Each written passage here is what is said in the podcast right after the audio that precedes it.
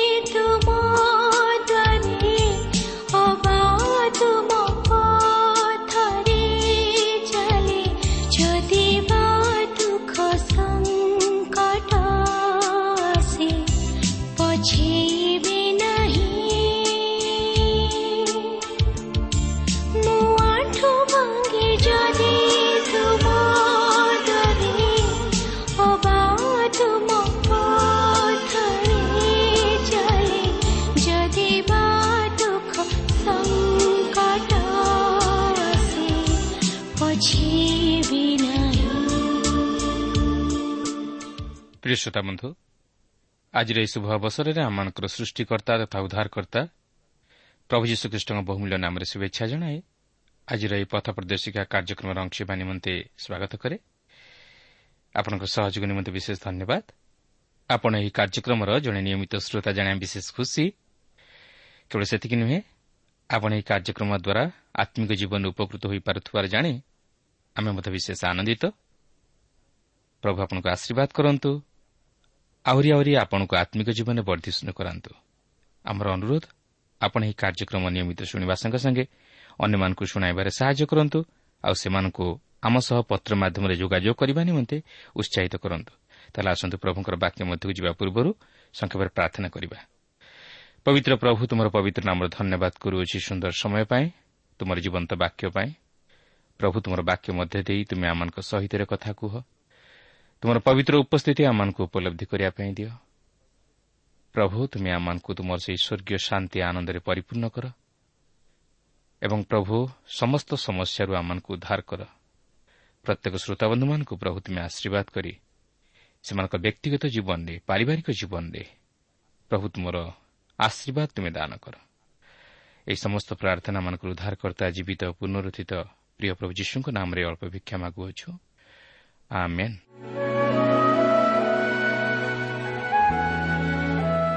ଆସନ୍ତୁ ବର୍ତ୍ତମାନ ଆମେ ପ୍ରଭୁଙ୍କର ବାକ୍ୟ ମଧ୍ୟକୁ ଯିବା। ଆଜି ଆମେ ବିଚାରକର୍ତ୍ତା ପୁସ୍ତକର ଚାରିପର୍ବଟିକୁ ଅଧ୍ୟୟନ କରିବା ନିମନ୍ତେ ଯିବା। ଆପଣଙ୍କ ନିକଟରେ ଯଦି ପବିତ୍ର ବାଇବଲ ଅଛି ତାହେଲେ ମୋ ସହିତ ଖୋଲନ୍ତୁ ଅଧ୍ୟୟନ କରନ୍ତୁ। ତେବେ ଆମେ ଏହି ପର୍ବର ସମସ୍ତ ପଦଗୁଡ଼ିକୁ ନେଇ ଆଲୋଚନା କରିବା ପାଇଁ ଯିବା ନାହିଁ ମାତ୍ର କେତେକ ମୁଖ୍ୟ ବିଷୟ ଉପରେ ଟିକେ ଦୃଷ୍ଟି ଦେଇ ତହିଁ ଉପରେ କିଛି ଆଲୋଚନା କରିବା। ଏଠାରେ ମୁଁ ଆପଣଙ୍କୁ ସ୍କରଣ କରାଇଦିଏ ଯେ ଗତ ଆଲୋଚନାରେ ଆମେ ଦେଖିଥିଲୁ ଯେ ଇସ୍ରାଏଲ୍ ସନ୍ତାନଗଣ ଦୁଇଥର ଈଶ୍ୱରଙ୍କଠାରୁ ବିମୁଖ ହୋଇ ପାପରେ ପତିତ ହେଲେ। ଓ ସେମାନେ ଦୁଇଥର ଯାକ ଅନୁତାପ ଓ କ୍ରନ୍ଦନର ସହିତ ଈଶ୍ୱରଙ୍କ ପ୍ରତି ଫେରିବାରୁ ଈଶ୍ୱର ସେମାନଙ୍କ ପ୍ରତି ଅନୁଗ୍ରହ ପ୍ରକାଶ କରି ସେମାନଙ୍କ ନିମନ୍ତେ ତିନି ଜଣ ବିଚାରକର୍ତ୍ତାଙ୍କୁ ପ୍ରେରଣ କରି ସେମାନଙ୍କୁ ଶତ୍ରୁର ହସ୍ତରୁ ଉଦ୍ଧାର କଲେ ଓ ସେମାନେ ଈଶ୍ୱରଙ୍କର ଆଜ୍ଞାବହ ହୋଇ ଜୀବନଯାପନ କଲେ। କିନ୍ତୁ ଆଜି ଆମେ ଏହି ଚାରିପର୍ବରେ ପୁନର୍ବାର ଇସ୍ରାଏଲ୍ ସନ୍ତାନଗଣର ଈଶ୍ୱରଙ୍କଠାରୁ ବିମୁଖ ହୋଇ ପାପରେ ପତିତ ହେବାର ବିଷୟକୁ ଲକ୍ଷ୍ୟ କରିବା। ଏହା ହେଉଛି ତୃତୀୟ ଥର ଯାହାକି ସେମାନେ ଈଶ୍ୱରଙ୍କଠାରୁ ବିମୁଖ ହୋଇ ପାପରେ ପତିତ ହେଲେ ଓ ଈଶ୍ୱର ପୁନର୍ବାର ସେମାନଙ୍କର କ୍ରନ୍ଦନ ଶୁଣି ସେମାନଙ୍କୁ ଦୁଇ ଜଣ ବିଚାରକର୍ତ୍ତାଙ୍କ ଦ୍ୱାରା ଉଦ୍ଧାର କଲେ। ସେହି ଦୁଇ ଜଣ ହେଲେ ଦବରା ଓ ବାରାକ୍। ଏମାନେ ହେଲେ ଇସ୍ରାଏଲ୍ର ଚତୁର୍ଥ ପଞ୍ଚମ ବିଚାରକର୍ତ୍ତା। ଦେଖନ୍ତୁ ଚାରିପର୍ବର ପ୍ରଥମ ତିନି ପଦରେ ଏହିପରି ଲେଖା ଅଛି ଅନନ୍ତର ଏହୁଦଙ୍କର ମୃତ୍ୟୁ ଉତ୍ତାରେ ଇସ୍ରାଏଲ୍ ସନ୍ତାନଗଣ ସଦାପ୍ରଭୁଙ୍କ ଦୃଷ୍ଟିରେ ଯାହା ମନ୍ଦ ତାହା ପୁନର୍ବାର କଲେ। ତେବେ ସଦାପ୍ରଭୁ ହାସ୍ୱରରେ ରାଜ୍ୟତକାରୀ କିଣାନୀୟ ରାଜା ଜାବିନ୍ର ହସ୍ତରେ ସେମାନଙ୍କୁ ବିକ୍ରୟ କଲେ। ଅନ୍ୟ ଦେଶୀୟମାନଙ୍କ ହାରୁସୋତ୍ ନିବାସୀ ଶିଶରା ତାହାର ସେନାପତି ଥିଲା। ଏଥିରେ ଇସ୍ରାଏଲ୍ ସନ୍ତାନଗଣ ସଦାପ୍ରଭୁଙ୍କ ନିକଟରେ କ୍ରନ୍ଦନ କଲେ। କାରଣ ତାହାର ନଅଶହ ଲୌହରଥ ଥିଲା। ପୁଣି ସେ କୋଡ଼ିଏ ବର୍ଷ ପର୍ଯ୍ୟନ୍ତ ଇସ୍ରାଏଲ୍ ସନ୍ତାନଗଣ ପ୍ରତି କଠୋର ଦୌରାତ୍ମ୍ୟ କଲା। ଦେଖନ୍ତୁ ଏହୁଦ ଯିଏକି ଇସ୍ରାଏଲ୍ର ତୃତୀୟ ବିଚାରକର୍ତ୍ତା ଥିଲେ ତାଙ୍କର ମୃତ୍ୟୁ ଉତ୍ତାରେ ଇସ୍ରାଏଲ୍ ସନ୍ତାନଗଣ ପୁନର୍ବାର ଈଶ୍ୱରଙ୍କଠାରୁ ବିମୁଖ ହୋଇ ପ୍ରତିମା ପୂଜାରେ ଆସକ୍ତ ହେଲେ। ତେଣୁକରି ଈଶ୍ୱର ସେମାନଙ୍କୁ ହାସ୍ୱରରେ ରାଜ୍ୟତକାରୀ କିଣାନୀୟ ରାଜା ଜାବିନ୍ର ହସ୍ତରେ ସେମାନଙ୍କୁ ବିକ୍ରୟ କଲେ। ଏହି ରାଜାର ଶିଶରା ନାମକ ଜଣେ ସେନାପତି ଥିଲା ଓ ଏହାର ନଅଶହ ଲୌହରଥ ଥିଲା। କିନ୍ତୁ ଇସ୍ରାଏଲ୍ ସନ୍ତାନଗଣ ନିକଟରେ ସେହିପରି କୌଣସି ଅସ୍ତ୍ରଶସ୍ତ୍ର ନ ଥିଲା ତେଣୁକରି ସେମାନେ ଅତିଶୟ ଭୟଗ୍ରସ୍ତ ହୋଇପଡ଼ିଥିଲେ ଓ ସେମାନେ ଜାବିନ୍ର ଅଧୀନରେ ପ୍ରାୟ କୋଡ଼ିଏ ବର୍ଷ ଦାସତ୍ୱ ବନ୍ଧନରେ ଥିଲେ। ଏଠାରେ ଏକ ଚମତ୍କାର ବିଷୟ ଲକ୍ଷ୍ୟ କରିବେ ଯେ ସେହି ଇସ୍ରାଏଲ୍ ସନ୍ତାନଗଣ ଯେତେଥର ଈଶ୍ୱରଙ୍କଠାରେ ବିମୁଖ ହୋଇ ପ୍ରତିମା ପୂଜା କରୁଅଛନ୍ତି ସେହି ଅନୁପାତରେ ସେମାନଙ୍କର ଦାସତ୍ୱ କାଳ ମଧ୍ୟ ବେଳକୁ ବେଳ ବୃଦ୍ଧି ପାଇବାରେ ଲାଗିଛି। ପ୍ରଥମ ପତନରେ ସେମାନଙ୍କର ଦାସତ୍ୱ କାଳ ଆଠ ବର୍ଷ ଥିଲା। ଦ୍ୱିତୀୟ ପତନରେ ସେମାନଙ୍କର ଦାସତ୍ୱ କାଳ ଅଠର ବର୍ଷ ଥିଲା। ମାତ୍ର ଏହି ତୃତୀୟ ଥର ପତନରେ ସେମାନଙ୍କର ଦାସତ୍ୱ କାଳ କୋଡ଼ିଏ ବର୍ଷକୁ ବୃଦ୍ଧି ପାଇଲା। ଦେଖନ୍ତୁ ସେମାନଙ୍କର ଦାସତ୍ୱ କାଳ ମଧ୍ୟ ଥରକୁ ଥର ବୃଦ୍ଧି ପାଇବାରେ ଲାଗିଛି। କିନ୍ତୁ ଏଠାରେ ଲକ୍ଷ୍ୟ କରିବାର ବିଷୟ ହେଉଛି ଯେ ଯଦିଓ ସେମାନେ ଏହି ତୃତୀୟ ଥର ପାଇଁ ଈଶ୍ୱରଙ୍କଠାରୁ ବିମୁଖ ହୋଇ ପ୍ରତିମା ପୂଜାରେ ଆସକ୍ତ ହେଲେ ଓ ଈଶ୍ୱରଙ୍କ ଦୃଷ୍ଟିରେ ଯାହା ମନ୍ଦ ତାହା କଲେ ତଥାପି ସେମାନେ ସଦାପ୍ରଭୁଙ୍କ ନିକଟରେ କ୍ରନ୍ଦନ କରିବାରୁ ସଦାପ୍ରଭୁ ସେମାନଙ୍କର କ୍ରନ୍ଦନ ଶୁଣିଲେ ଓ ସେ ସେମାନଙ୍କର ଉଦ୍ଧାର ନିମନ୍ତେ ଆଉ ଜଣେ ବିଚାରକର୍ତ୍ତାଙ୍କୁ ଉଠାଇଲେ। ସେ ହେଉଛନ୍ତି ଦବରା ଯିଏକି ଇସ୍ରାଏଲ୍ର ଚତୁର୍ଥ ବିଚାରକର୍ତ୍ତା ରୂପେ ଶାସନ କଲେ ଓ ସେ ମଧ୍ୟ ଜଣେ ଭବିଷ୍ୟତ ବକ୍ତି ଥିଲେ। ଯାହାକି ଚାରିପର୍ବର ଚାରିପଦରୁ ପାଞ୍ଚ ପଦ ମଧ୍ୟରେ ଆମେ ଲକ୍ଷ୍ୟ କରିବାକୁ ପାରୁ। ଏଠାରେ ଆମେ ଇସ୍ରାଏଲ୍ ମଧ୍ୟରେ ଜଣେ ସ୍ତ୍ରୀ ଲୋକକୁ ଦେଖୁଅଛୁ ଯିଏକି ଜଣେ ଭବିଷ୍ୟତ ବକ୍ତି ଥିଲେ ଓ ଜଣେ ବିଚାରକର୍ତ୍ରୀ ମଧ୍ୟ ହେଲେ। ଆଉ ତାଙ୍କର ନାମ ଦବରା। ମୁଁ ଭାବୁଛି ଯଦିଓ ସେ ଜଣେ ମହିଳା ଥିଲେ ମାତ୍ର ସେ ଅନ୍ୟାନ୍ୟ ମହିଳାମାନଙ୍କ ଅପେକ୍ଷା ଏକ ସ୍ୱତନ୍ତ୍ର ମହିଳା ଥିଲେ। ଈଶ୍ୱର ତାହାଙ୍କୁ ଇସ୍ରାଏଲ୍ର ବିଚାରକର୍ତ୍ତା ହେବା ନିମନ୍ତେ ଉଠାଇଲେ। ଆଉ ସେ ଯଦିଓ ନିଜେ ଜଣେ ମହିଳା ଥିଲେ ମାତ୍ର ସେ ବାରକକୁ ପଠାଉଛନ୍ତି ଯେପରି ସେ ଇସ୍ରାଏଲ୍ର ଶତ୍ରୁମାନଙ୍କ ବିରୁଦ୍ଧରେ ଯାଇ ସେମାନଙ୍କୁ ପରାସ୍ତ କରି ଇସ୍ରାଏଲ୍କୁ ଦାସତ୍ୱ ବନ୍ଧନରୁ ମୁକୁଳାଇ ଆଣିପାରେ। ଯାହାକି ଚାରିପର୍ବର ଛଅ ପଦରୁ ଆଠ ପଦ ମଧ୍ୟରେ ଆମେ ଲକ୍ଷ୍ୟ କରିବାକୁ ପାରୁ। ମୁଁ ଭାବୁଛି ଯଦି କେହି କାପୁରୁଷ ସେନାପତି ଥାନ୍ତି ତାହେଲେ ସେ ହେଉଛନ୍ତି ବାରାକ। ସେ ଯୁଦ୍ଧ କରିବାକୁ ସଙ୍ଗେ ସଙ୍ଗେ ବାହାରିଯିବା ଉଚିତ। ମାତ୍ର ସେ ଯୁଦ୍ଧକୁ ଭୟ କରି ଜଣେ ମହିଳାର ସହାୟତା ଲୋଡ଼ୁଛନ୍ତି। ତେବେ ଏହା କାପୁରୁଷତା ନୁହେଁ ତ ଆଉ କ'ଣ ହୋଇପାରେ? ବାରକ ଏକଲା ସାହସ କରୁନାହାନ୍ତି। ସେ ଦବରାକୁ କହୁଛନ୍ତି ଯଦି ତୁମେ ମୋ ସାଙ୍ଗରେ ଯିବ ତାହେଲେ ମୁଁ ଯିବି। କିନ୍ତୁ ଯଦି ତୁମେ ମୋ ସାଙ୍ଗରେ ନ ଯିବ ତାହେଲେ ମୁଁ ଯିବି ନାହିଁ। ଆପଣ କ'ଣ ଭାବୁଛନ୍ତି? ଏହା କ'ଣ ଏକ ସେନାପତିର ପୁରୁଷତ୍ୱ? ନୁହେଁ। ମାତ୍ର ଦେଖନ୍ତୁ ଦବରାଙ୍କର ସାହସିକତା ସେ ଭୟ କରୁନାହାନ୍ତି। ବାରାକଙ୍କର କହିବା ଅନୁଯାୟୀ ସେ ମଧ୍ୟ ବାରାକଙ୍କ ସହିତ ଯାଉଅଛନ୍ତି। ଚାରିପର୍ବର ନଅ ପଦରେ ଲେଖା ଅଛି ତେବେ ସେ କହିଲେ ମୁଁ ନିଶ୍ଚୟ ତୁମ ସଙ୍ଗେ ଯିବି। ତଥାପି ଏହି ଯାତ୍ରାରେ ତୁମ୍ଭର ଯଶ ହେବ ନାହିଁ କାରଣ ସଦାପ୍ରଭୁ ଶିଶରାକୁ ଏକ ସ୍ତ୍ରୀ ହସ୍ତରେ ବିକ୍ରୟ କରିବେ। ଏଉତାରେ ଦବରା ଉଠି ବାରାକ ସଙ୍ଗରେ କେଦସ୍କୁ ଗଲେ। ଦବରା ଏଠାରେ ବାରାକକୁ ପ୍ରତିଜ୍ଞା କରି କହନ୍ତି ଯେ ହଁ ମୁଁ ନିଶ୍ଚୟ ତୁମ ସାଙ୍ଗରେ ଯିବି ମାତ୍ର ଏହି ଯୁଦ୍ଧରେ ଜଣେ ମହିଳା ବିଜୟୀ ହେବେ। ମୁଁ ଭାବୁଛି ବାରାକ ବୋଧହୁଏ ମନେ ମନେ ଭାବିଥାଇପାରନ୍ତି ଯେହେତୁ ଦବରା ତାଙ୍କ ସାଙ୍ଗରେ ଅଛନ୍ତି ତେଣୁ ସେ ଯୁଦ୍ଧରେ ବିଜୟୀ ହେବେ। ମାତ୍ର ଦବରା ବାରାକଙ୍କୁ ସ୍ପଷ୍ଟ ଭାବେ ଜଣାଇ ଦିଅନ୍ତି ଯେ ଏହି ଯୁଦ୍ଧରେ ତମେ ହିରୋ ହୋଇପାରିବ ନାହିଁ ମାତ୍ର ଜଣେ ମହିଳା ହିରୋଇନ୍ ହେବ। ତୁମେ ଯାହା ବିରୁଦ୍ଧରେ ଯୁଦ୍ଧ କରିବା ପାଇଁ ଯାଉଅଛ ତାହାକୁ ଜଣେ ମହିଳା ପରାସ୍ତ କରିବ। ଦବରା ଏହି ବିଷୟ ପୂର୍ବରୁ ଜାଣିପାରିଥିଲେ ଯେହେତୁ ସେ ଭବିଷ୍ୟତ ବକ୍ତି ଥିଲେ। ଓ ସେ ଯେଉଁପରି କହିଥିଲେ ତଦନୁଯାୟୀ ସମସ୍ତ ବିଷୟ ଘଟିଲା। ଜଣେ ସ୍ତ୍ରୀ ହାତ୍ସରର ରାଜା ଜାବିନୀର ସେନାପତି ଶିଶରାକୁ ବଧ କଲା। ଏହି ଯୁଦ୍ଧରେ ପ୍ରକୃତରେ ଈଶ୍ୱର ସେମାନଙ୍କୁ ଜୟ ପ୍ରଦାନ କରାଇଲେ। ଦବରା ଓ ବାରାକ ଯୁଦ୍ଧ କରିବାକୁ ଗଲେ ମାତ୍ର ଈଶ୍ୱର ସେମାନଙ୍କ ସପକ୍ଷରେ ରହି ସେମାନଙ୍କୁ ଜୟ ପ୍ରଦାନ କରାଇଲେ। ଯାହାକି ଏହି ଚାରିପର୍ବର ଦଶ ପଦରୁ ଷୋହଳ ପଦ ମଧ୍ୟରେ ଲେଖା ଅଛି। ଆପଣ ଦେଖନ୍ତୁ ଦବରା ଇସ୍ରାଏଲ୍ ସନ୍ତାନଗଣକୁ ଉଦ୍ଧାର କରିବା ପାଇଁ ଇଚ୍ଛା କଲେ ଓ ବାରାକ ସୈନ୍ୟମାନଙ୍କୁ ଏକତ୍ର କଲେ। ଏବଂ ସେମାନେ ପ୍ରସ୍ତୁତ ହୋଇ ଯୁଦ୍ଧ କରିବାକୁ ଆଗେଇ ଯିବା ଦ୍ୱାରା ଈଶ୍ୱର ସେମାନଙ୍କୁ ଜୟ ପ୍ରଦାନ କରାଇଲେ। ସେମାନେ ଶତ୍ରୁମାନଙ୍କୁ ଘଉଡ଼ାଇ ଦେଲେ। ଚିନ୍ତା କରନ୍ତୁ ଏହା କ'ଣ ସହଜ ବିଷୟ? ଇସ୍ରାଏଲ୍ ସୈନ୍ୟଙ୍କ ନିକଟରେ ଗୋଟିଏ ହେଲେ ଲୌହରତ୍ନ ଥିଲା। ମାତ୍ର ସେମାନେ ଜୟୀ ହେଲେ। କାରଣ ଈଶ୍ୱର ଯାହାର ସପକ୍ଷ ମନୁଷ୍ୟ ତାହାର କିଛି କ୍ଷତି କରି ନପାରେ ନାରୀ ସାଧାରଣତଃ ଦୁର୍ବଳା। ମାତ୍ର ଈଶ୍ୱର ଜଣେ ନାରୀର ସାହାଯ୍ୟରେ ଇସ୍ରାଏଲ୍କୁ ଉଦ୍ଧାର କରୁଅଛନ୍ତି। ପ୍ରିୟ ଭାଇ ଓ ଭଉଣୀ ଆପଣ ପୁରୁଷ ହୁଅନ୍ତୁ ବା ସ୍ତ୍ରୀ ହୁଅନ୍ତୁ ତହିଁରେ କିଛି ପ୍ରଭେଦ ନାହିଁ। ମାତ୍ର ପ୍ରଭୁଙ୍କ ନିମନ୍ତେ ଆପଣଙ୍କର ଯଦି କିଛି ବୋଝ ଅଛି କିମ୍ବା ଆପଣ ପ୍ରଭୁଙ୍କର କାର୍ଯ୍ୟ କରିବା ନିମନ୍ତେ ସେପରି କିଛି ଚାଳନା ବା ଆହ୍ୱାନ ପାଉଛନ୍ତି ତାହେଲେ ଆଗେଇ ଯାଆନ୍ତୁ।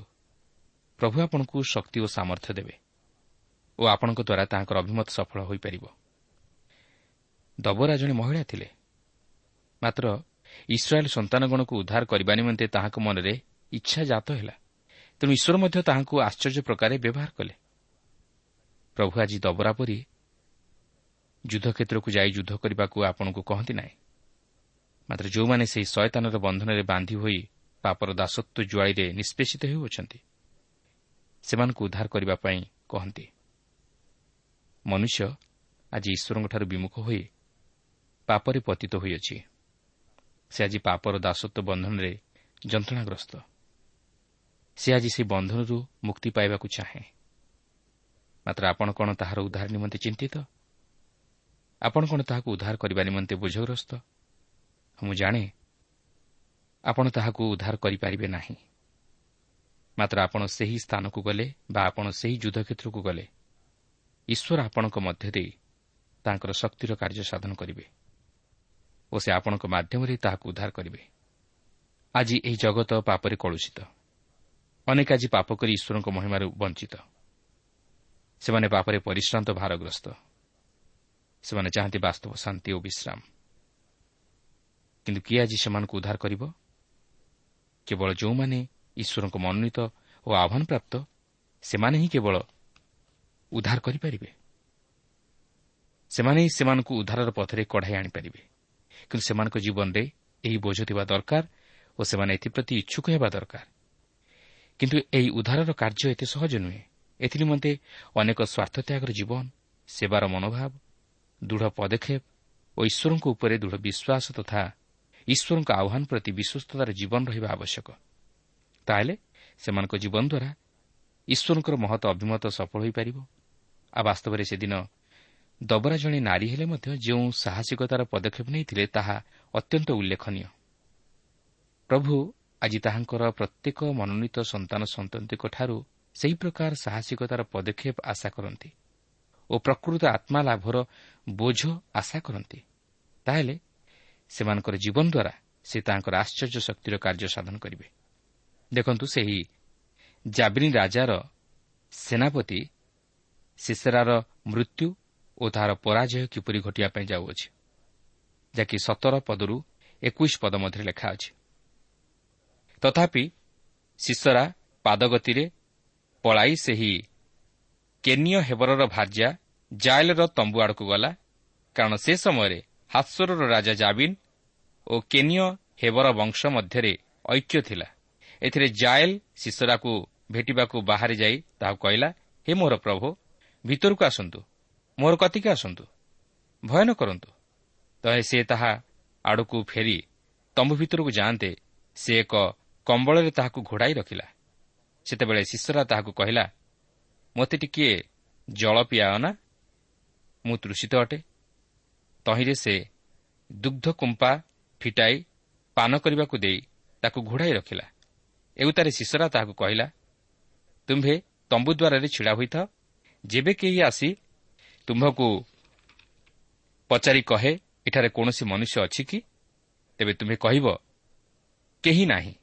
ଅନନ୍ତର ହେବରର ଭାର୍ଯ୍ୟା ଜାଏଲ୍ ତମ୍ବୁର ଗୋଟିଏ ମେଖ ଓ ହାତୁଡ଼ି ହାତରେ ନେଇ ଧୀରେ ଧୀରେ ତାହା ପାଖକୁ ଯାଇ ତାହାର କର୍ଣ୍ଣମୂଳରେ ସେହି ମେଖ ମାରନ୍ତେ ତାହା ଫୁଟି ଭୂମିକି ଗଲା। କାରଣ ସେ ଘୋର ନିଦ୍ରାରେ ଥିଲା ତେଣୁ ସେ ମୂର୍ଚ୍ଛିତ ହୋଇ ମଲା। ଦେଖନ୍ତୁ ଶିଶରା ଯେଉଁ ସ୍ତ୍ରୀ ଲୋକ ଦ୍ୱାରା ହତ ହେଲା ସେ ଏକ ବିଜାତିଆ ସ୍ତ୍ରୀ ଥିଲା ଓ ତାହାର ନାମ ଜାଏଲ୍ ଥିଲା ଓ ସେ କେନିୟ ହେବରର ଭାର୍ଯ୍ୟା ଥିଲା ଏବଂ ଏହି କେନିୟ ହେବରର ବଂଶ ଓ ହାତ୍ସ୍ୱରର ରାଜା ଜାବିନ୍ର ବଂଶ ମଧ୍ୟରେ ଐକ୍ୟତା ଥିଲା। ତେଣୁ ଜାବିନ୍ ରାଜାର ସେନାପତି ଶିଶରା ପଳାଇ ଯାଇ ସେହି ଜାଏଲ୍ର ଗୃହରେ ଆଶ୍ରା ନେଇଥିଲା ଓ ଜାଏଲ୍ ଦ୍ୱାରା ସେ ହତ ହେଲା। ଦେଖନ୍ତୁ ଶିଶରା ନିଜର ପ୍ରାଣ ବଞ୍ଚାଇବା ନିମନ୍ତେ ଚେଷ୍ଟିତ ଥିଲା ମାତ୍ର ଅନ୍ୟର ନୁହେଁ। ଜଣେ ସେନାପତି ହିସାବରେ ତାହାର କର୍ତ୍ତବ୍ୟ ଥିଲା ନିଜର ସୈନ୍ୟମାନଙ୍କର ଜୀବନକୁ ରକ୍ଷା କରିବା। ମାତ୍ର ସେ ନିଜର ଜୀବନକୁ ରକ୍ଷା କରିବା ଲାଗି ଦୌଡ଼ି ପଳାଇଲା। କିନ୍ତୁ ତହିଁର ପରିଣତି କ'ଣ ହେଲା? ଶେଷରେ ଜଣେ ସ୍ତ୍ରୀ ଲୋକର ହାତରେ ତାହାର ପ୍ରାଣ ଗଲା। ଏହାଠାରୁ ବଳି ନିନ୍ଦାର ବିଷୟ ଆଉ କ'ଣ ଥାଇପାରେ? ଜଣେ ସେନାପତି ଯୁଦ୍ଧରେ ପ୍ରାଣ ବିସର୍ଜନ କରିବା ପରିବର୍ତ୍ତେ ଜଣେ ସ୍ତ୍ରୀର ହସ୍ତରେ ନିଜର ପ୍ରାଣ ବିସର୍ଜନ କରୁଅଛି। ଜଣେ ସ୍ତ୍ରୀ ତାହାକୁ ବଧ କରୁଅଛି। ବାସ୍ତବରେ ତାହା ଘଟେ ଯେତେବେଳେ ଜଣେ କେବଳ ନିଜର ଜୀବନ ବଞ୍ଚାଇବାକୁ ଚେଷ୍ଟା କରେ ମାତ୍ର ଅନ୍ୟର ଜୀବନକୁ ରକ୍ଷା କରିବା ନିମନ୍ତେ ମନୋଯୋଗୀ ନ ହୁଏ। ସେ ଶତ୍ରୁର ହସ୍ତରେ ଅର୍ଥାତ୍ ଶୟତାନର ହସ୍ତରେ ପଡ଼େ ଓ ସେହି ଶୟତାନ ତାହାକୁ ବିନାଶ କରେ। ଶିଶରା କେବେ ହେଲେ ଭାବିନଥିଲା ଯେ ସେହି ସ୍ତ୍ରୀ ତାହାକୁ ଏହିପରି ବଧ କରିବ। କାରଣ ସେହି ସ୍ତ୍ରୀ ତାହାକୁ ତାହାର ଗୃହରେ ଆଶ୍ରୟ ଦେଇଥିଲା। ତାହା ପ୍ରତି ଅତି ସୁନ୍ଦର ଆତିଥ୍ୟ ସତ୍କାର ପ୍ରଦର୍ଶନ କରିଥିଲା। କିନ୍ତୁ ଏହି ସମସ୍ତ ଯେ ତାହା ପ୍ରତି ସେହି ସ୍ତ୍ରୀର ଛଳନାପୂର୍ଣ୍ଣ ବ୍ୟବହାର ଥିଲା ତାହା ଶିଶରା ଜାଣିପାରିନଥିଲା କିନ୍ତୁ ଏହି ସରଳତାର ସୁଯୋଗ ନେଇ ଜାଏଲ୍ ଶିଶରାକୁ ବଧ କରିଥିଲା। ପ୍ରିୟ ବନ୍ଧୁ ଶୟତାନର କାର୍ଯ୍ୟ ଠିକ୍ ସେହି ପ୍ରକାର। ତାହାର କାର୍ଯ୍ୟ ହେଲା ବଧ ଓ ବିନାଶ କରିବା। ସେ ତାହାର ଛଳନାପୂର୍ଣ୍ଣ ବ୍ୟବହାରରେ ମନୁଷ୍ୟକୁ ବୁଲାଇ ନିଏ ଓ ଶେଷରେ ସେ ତାହାର ମାୟାଜାଲରେ ମନୁଷ୍ୟକୁ ବିନଷ୍ଟ କରେ। ସେଦିନ ଶିଶରା ଯଦି ଜାଏଲ୍ର ଛଳନାପୂର୍ଣ୍ଣ ବ୍ୟବହାରକୁ ବୁଝିପାରିଥାନ୍ତା ତାହେଲେ ସେ କେବେ ହେଲେ ତାହାର ହସ୍ତରେ ମରିନଥାନ୍ତା। କିନ୍ତୁ ଶୟତାନର ଚକ୍ରାନ୍ତକୁ ବୁଝିବା ଏତେ ସହଜ ନୁହେଁ। ଆଜି ଅନେକ ନିଜର ପ୍ରାଣ ବଞ୍ଚାଇବା ନିମନ୍ତେ ଶୟତାନର ଆଶ୍ରୟ ନିଅନ୍ତି ବା ଶୟତାନର ଯେଉଁ ସମସ୍ତ କାର୍ଯ୍ୟକଳାପ ସେହି ସମସ୍ତକୁ ଅନୁକରଣ କରି ଜୀବନଯାପନ କରନ୍ତି। ସମସ୍ତ ପ୍ରକାର ଅନ୍ୟାୟ ଅଧର୍ମ ଅସତ୍ୟ ମିଛ ଚୋରି ଠକାମି ଏହିସବୁ ପ୍ରକାର କାର୍ଯ୍ୟ କରନ୍ତି। କ'ଣ ପାଇଁ? ବଞ୍ଚି ରହିବା ପାଇଁ। ଆଜି ଏହି ଜଗତରେ ବଞ୍ଚି ରହିବା ପାଇଁ ମନୁଷ୍ୟ ସବୁକିଛି କରିଦେଇପାରେ। ଟଙ୍କା ପାଇଁ ମନୁଷ୍ୟ ମନୁଷ୍ୟର ଜୀବନ ନେଇଯାଇପାରେ। ଧନ ଅର୍ଜନ କରିବା ପାଇଁ ବା ପେଟ ଚାଖଣ୍ଡକ ପାଇଁ ମନୁଷ୍ୟ ଅନ୍ୟାୟର ସୀମା ଲଙ୍ଘନ କରିଦେଇପାରେ। ସମାଜର ନୈତିକତାକୁ ପଦଦଳିତ କରିଦେଇପାରେ। କିନ୍ତୁ ଏହାଦ୍ୱାରା କ'ଣ ସେ ନିଜକୁ ବଞ୍ଚାଇପାରେ କେବେ ନୁହେଁ। ବରଞ୍ଚ ଶୟତାନର ଶିକାର ହୁଏ ଓ ଶୟତାନ ହିଁ ତାହାର ଜୀବନକୁ ଖିନ୍ଭିନ୍ କରି ନଷ୍ଟଭ୍ରଷ୍ଟ କରିଦିଏ। କିନ୍ତୁ ମନୁଷ୍ୟ ତାହା ବୁଝିପାରେ ନାହିଁ। ମନୁଷ୍ୟ ନିଜର ଜୀବନକୁ ବଞ୍ଚାଇବାକୁ ଯାଇ ନିଜର ଜୀବନକୁ ବି ନଷ୍ଟ କରେ। ସେ ଲୋକମାନଙ୍କ ଦୃଷ୍ଟିରେ ନିନ୍ଦାର ତଥା ଘୃଣାର ପାତ୍ର ହୁଏ। ତାହାର ମୃତ୍ୟୁ ମଧ୍ୟ ଅପମାନଜନକ ହୁଏ। ପ୍ରିୟ ବନ୍ଧୁ ଆଜି ଆପଣ କାହା ପାଇଁ ବଞ୍ଚିବାକୁ ଚାହାନ୍ତି? ନିଜ ପାଇଁ ନା ଅନ୍ୟ ପାଇଁ? ପ୍ରଭୁଙ୍କ ପାଇଁ ନା ଜଗତ ପାଇଁ? ସେଥିପାଇଁ ପ୍ରଭୁ ଯୀଶୁ କହନ୍ତି କାରଣ ଯେ କେହି ଆପଣା ଜୀବନ ରକ୍ଷା କରିବାକୁ ଇଚ୍ଛା କରେ ସେ ତାହା ହରାଇବ। କିନ୍ତୁ ଯେ କେହି ମୋ ନିମନ୍ତେ ଆପଣା ଜୀବନ ହରାଇବ ସେ ତାହା ପ୍ରାପ୍ତ ହେବ। ଆଉ ମନୁଷ୍ୟ ଯେବେ ସମସ୍ତ ଜଗତ ଲାଭ କରି ଆପଣା ଜୀବନ ହରାଏ ତେବେ ତାହାର କି ଲାଭ ହେବ? କିମ୍ବା ମନୁଷ୍ୟ ଆପଣା ଜୀବନ ବଦଳରେ କ'ଣ ଦେବ? ପ୍ରିୟ ବନ୍ଧୁ କେବଳ ନିଜ ନିମନ୍ତେ ବଞ୍ଚି ରହିବାକୁ ଚେଷ୍ଟା କରନ୍ତୁ ନାହିଁ ମାତ୍ର ଅନ୍ୟର ଜୀବନ ନିମନ୍ତେ ଚିନ୍ତା କରନ୍ତୁ। ନିଜକୁ ବଞ୍ଚାଇବା ସଙ୍ଗେ ସଙ୍ଗେ ଅନ୍ୟକୁ ମଧ୍ୟ ବଞ୍ଚାନ୍ତୁ। ତା ନହେଲେ ଆପଣ ସ୍ୱାର୍ଥବାଦୀ ହୋଇପଡ଼ିବେ ଓ ଶୈତାନର ମାୟାଜାଲରେ ପଡ଼ିଯିବେ। ଆଜି ଅନେକ ଏହିପରି ଭାବେ ପଥଭ୍ରଷ୍ଟ ହୋଇଯାଇଛନ୍ତି। ଧନର ମୋହରେ ହେଉ ବା ଜଗତର ଭୋଗବିଳାସର ଆସକ୍ତିରେ ହେଉ ବା ମାଂସିକ ଅଭିଳାଷର ଆସକ୍ତିରେ ହେଉ ଈଶ୍ୱରଙ୍କଠାରୁ ବିମୁଖ ହୋଇଅଛନ୍ତି ଓ ଏହି ସମସ୍ତକୁ ନିଜର ଜୀବନରେ ମୁଖ୍ୟ ସ୍ଥାନ ଦେଇଅଛନ୍ତି। କିନ୍ତୁ ସେମାନେ ଯେ ଏହାଦ୍ୱାରା ଶୟତାନର ମାୟାଜାଲରେ ପଡ଼ିଅଛନ୍ତି ତାହା ସେମାନେ ବୁଝିପାରନ୍ତି ନାହିଁ। ସେମାନଙ୍କ ନିମନ୍ତେ ଜୀବନ ବଡ଼ ବିଷୟ ନୁହେଁ ମାତ୍ର ଜୀବିକା ବଡ଼ ବିଷୟ। କାରଣ ସେମାନେ କେବଳ ନିଜକୁ ବଞ୍ଚାଇବାକୁ ଚାହାନ୍ତି ମାତ୍ର ନିଜର ଜୀବନକୁ ନୁହେଁ। କିନ୍ତୁ ସେମାନଙ୍କର ବିନାଶ ସୁନିଶ୍ଚିତ। ତେବେ ଏଠାରେ ବର୍ତ୍ତମାନ ଲକ୍ଷ୍ୟ କରିବାର ବିଷୟ ହେଉଛି ଯେ ଶିଶରା ସେହି ଜାଏଲ୍ର ଗୃହରେ ମୃତ୍ୟୁବରଣ କରିବା ପରେ ବାରାକ୍ ଶିଶରାକୁ ଖୋଜି ଖୋଜି ଯାଇ ଜାଏଲ୍ର ଗୃହ ନିକଟରେ ପହଞ୍ଚିଯାଇଛି ଓ ଜାଏଲ୍ ବାରାକ୍କୁ ଶିଶରାର ମୃତ୍ୟୁ ସମ୍ବାଦ ଦେଇଛି। ଦେଖନ୍ତୁ ବାଇଶରୁ ଚବିଶ ପଦରେ ଏହିପରି ଲେଖା ଅଛି।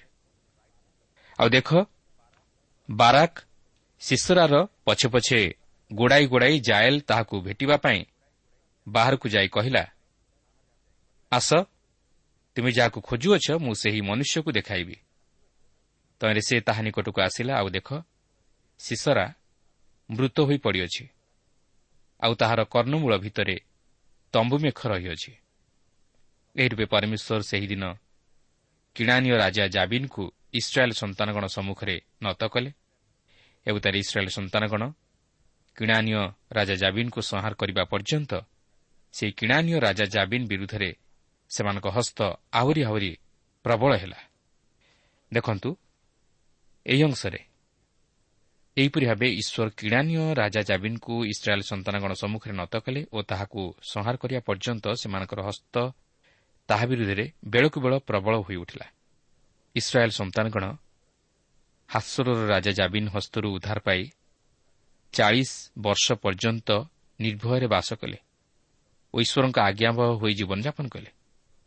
ପ୍ରିୟ ବନ୍ଧୁ ଈଶ୍ୱରଙ୍କଠାରୁ ବିମୁଖ ହୋଇ ଈଶ୍ୱରଙ୍କ ଆଜ୍ଞା ବିରୁଦ୍ଧ କାର୍ଯ୍ୟ କରିବା ଦ୍ୱାରା ମନୁଷ୍ୟ ଅନେକ ପ୍ରକାର ସମସ୍ୟାର ସମ୍ମୁଖୀନ ହୁଏ ଓ ଜୀବନରେ ଦୁଃଖ ପାଏ। ଏହା ପ୍ରତ୍ୟେକଙ୍କ ଜୀବନରେ ମଧ୍ୟ ଘଟିପାରେ। କିନ୍ତୁ ଆମେ ଯଦି ଅନୁତାପ କରି ତହିଁରୁ ଫେରୁ ଓ ଈଶ୍ୱରଙ୍କ ପ୍ରତି ଦୃଷ୍ଟି କରୁ ଓ ତାହାଙ୍କର ବାକ୍ୟ ଅନୁଯାୟୀ ନିଜକୁ ସଂଶୋଧିତ କରୁ ତାହେଲେ ଆମେ ବିନାଶରୁ ନିଜର ଜୀବନକୁ ରକ୍ଷା କରିପାରିବା। କାରଣ ଈଶ୍ୱର ସେଦିନ ଇସ୍ରାଏଲ୍ ସନ୍ତାନଗଣର କ୍ରନ୍ଦନ ଶୁଣି ଯେପରି ବିଚାରକର୍ତ୍ତାମାନଙ୍କ ଦ୍ୱାରା ସେମାନଙ୍କୁ ଶତ୍ରୁର ହସ୍ତରୁ ଉଦ୍ଧାର କଲେ ସେହିପରି ସେ ଆଜି ଆମମାନଙ୍କର ଉଦ୍ଧାର ନିମନ୍ତେ ଏକ ଉପାୟ ମଧ୍ୟ ପ୍ରସ୍ତୁତ କରି ରଖିଅଛନ୍ତି। ଆଉ ତାହା ହେଉଛି ପ୍ରଭୁ ଯୀଶୁଖ୍ରୀଷ୍ଟଙ୍କର କୃଷ ଯେଉଁ କୃଷ ନିକଟରେ ଆମେ ନିଜର ପାପ ନିମନ୍ତେ ଅନୁତାପର ସହିତ କ୍ରନ୍ଦନ କରି ସ୍ୱୀକାର କରିବା ଦ୍ୱାରା ଉଦ୍ଧାର ପାଇବା। ସେହି ପ୍ରଭୁ ଯୀଶୁଖ୍ରୀଷ୍ଟଙ୍କର କୃଷିୟ ରକ୍ତ। ଆଜି ମଧ୍ୟ ଆମମାନଙ୍କୁ ଆମମାନଙ୍କର ପାପରୁ ଉଦ୍ଧାର କରି ଆମମାନଙ୍କୁ ପବିତ୍ର କରିବା ନିମନ୍ତେ ସମର୍ଥ। କିନ୍ତୁ ଆମେ ତାହାଙ୍କର ନିକଟବର୍ତ୍ତୀ ହୋଇ ନିଜର ପାପ ସବୁ ସ୍ୱୀକାର କରିବାକୁ ହେବ। ତାହାହେଲେ ସେ ଆମମାନଙ୍କୁ ପାପରୁ ଉଦ୍ଧାର କରି ସେହି ଅନନ୍ତ ଜୀବନର ପଥରେ କଢ଼ାଇ ନେବେ। ଫଳତଃ ଆମେ ଶାନ୍ତି ଓ ନିର୍ବିଘ୍ନରେ ବାସ କରିପାରିବା। ଓ ଏହି ଜଗତରେ ଏକ ବିଜୟୀ ଜୀବନ ଯାପନ କରିବା ନିମନ୍ତେ ସମର୍ଥ ହୋଇପାରିବା। ତେଣୁ ପ୍ରିୟ ବନ୍ଧୁ ମୋର ଅନୁରୋଧ ସମୟ ଓ ସୁଯୋଗ ଥାଉ ଥାଉ ଏହି ବାକ୍ୟ ଦ୍ୱାରା ନିଜର ଜୀବନକୁ ସଂଶୋଧିତ କରନ୍ତୁ ନିଜର ଜୀବନକୁ ସମୀକ୍ଷା କରନ୍ତୁ। ଆଉ ଯଦି ଆପଣ ପାପ କରି ଈଶ୍ୱରଙ୍କଠାରୁ ଦୂରବର୍ତ୍ତୀ ଜୀବନଯାପନ କରୁଅଛନ୍ତି ତାହେଲେ ଅନୁତାପ କରି ଫେରିଆସନ୍ତୁ। ପ୍ରଭୁ ଯୀଶୁ ଆପଣଙ୍କୁ ନିଶ୍ଚିତ ଭାବରେ କ୍ଷମା କରିବେ। ସେ ଆପଣଙ୍କୁ ଉଦ୍ଧାର କରିବେ। ସେ ଆପଣଙ୍କର ସମସ୍ୟା ସମାଧାନ କରିବେ। ସେ ଆପଣଙ୍କର ଦୁଃଖ ଦୂର କରିବେ। ସେ ଆପଣଙ୍କ ମନରୁ ଭୟ ଦୂର କରିବେ। ସେ ଆପଣଙ୍କ ମନରୁ ସମସ୍ତ ପ୍ରକାର ନୈରାଶ୍ୟତା ଦୂର କରିଦେବେ। ସେ ଆପଣଙ୍କୁ ତାହାଙ୍କର ପ୍ରେମର ବାହୁରେ ଆବରି ନେବେ। ସେ ଆପଣଙ୍କୁ ବାସ୍ତବ ଶାନ୍ତି ଓ ଆନନ୍ଦରେ ପରିପୂର୍ଣ୍ଣ କରିବେ ଓ ଅନନ୍ତ ଜୀବନର ଅଧିକାରୀ କରାଇବେ। ପ୍ରଭୁ ପ୍ରତ୍ୟେକଙ୍କୁ ଆଶୀର୍ବାଦ କରନ୍ତୁ।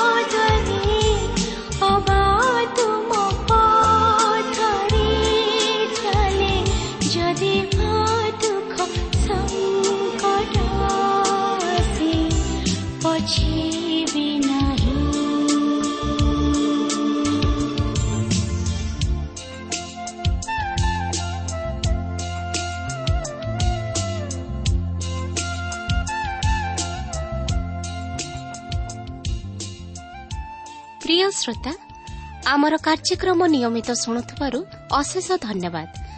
ଆପଣ ଏହି କାର୍ଯ୍ୟକ୍ରମ ଶୁଣିବା ଦ୍ୱାରା ଆତ୍ମିକ ଜୀବନରେ ଉପକୃତ ହୋଇପାରିଥିବେ ବୋଲି ଆମର ବିଶ୍ୱାସ। ପ୍ରଭୁ ଯୀଶୁଙ୍କ ବିଷୟରେ ଅଧିକ ଜାଣିବାର ଆଗ୍ରହ ଥିଲେ ଅଥବା ଉପାଦେୟ ପୁସ୍ତକର ଆବଶ୍ୟକ ଥିଲେ ଆମ ସହ ଯୋଗାଯୋଗ କରନ୍ତୁ। ଆମର ଠିକଣା ପଥ ପ୍ରଦର୍ଶିକା trans world radio India post box number ତିନି ତିନି ଭୁବନେଶ୍ୱର সাত পাঁচ এক শূন্য শূন্য এক। Mobile number nine seven double seven double two one four one five. ঠিকনাটি আউথরে শুনন্তু। পথ প্রদর্শিকা trans world radio India post box number three three Bhubaneswar seven five one zero zero one mobile number nine seven double seven double two one four one five. আমার email আড্রেসটি লিখে রাখুন Odia TTV at radio eight eight two dot com ତେବେ ଆଜି ପାଇଁ ବିଦାୟ ଦିଅନ୍ତୁ। ନମସ୍କାର।